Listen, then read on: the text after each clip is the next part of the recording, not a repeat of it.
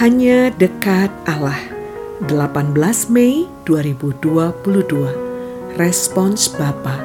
Lukas 15 ayat 20. Ketika ia masih jauh, ayahnya telah melihatnya. Lalu tergeraklah hatinya oleh belas kasihan. Ayahnya berlari mendapatkan dia, lalu merangkul dan mencium dia. Demikianlah respons sang bapa ketika menyaksikan kepulangan anaknya.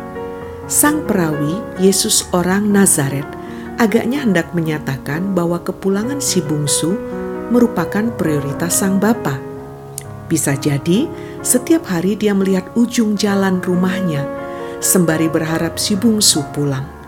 Tentunya dia sudah mendengar bahwa anaknya sudah jatuh melarat, tetapi dia sendiri tidak mau membujuk anaknya pulang. Dia agaknya ingin anaknya itu pulang karena kemauannya sendiri bujukan, terlebih paksaan, hanya akan membuat si bungsu merasa terpaksa dan tidak merdeka. Sikap dan tindakan yang sama juga diterapkan sewaktu si bungsu meminta harta yang menjadi haknya. Sang bapak tidak marah, bahkan sang bapak juga tidak menahan si bungsu saat mau pergi keluar rumah. Dia tahu menahan si bungsu hanya akan membuatnya kesal, merasa terpaksa, dan tidak merdeka. Apa artinya hanya fisiknya yang berada dalam rumah, sedangkan pikiran dan angannya mengembara keluar rumah? Nah, ketika melihat si bungsu di ujung jalan, dia pun terharu, harapannya terkabul, dan dia tak menunggu si bungsu menghadap, tetapi lari menyambut anaknya.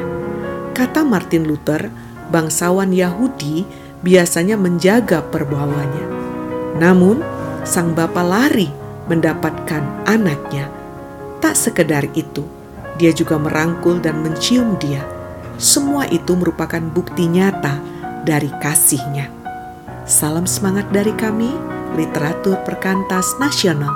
Sahabat Anda bertumbuh.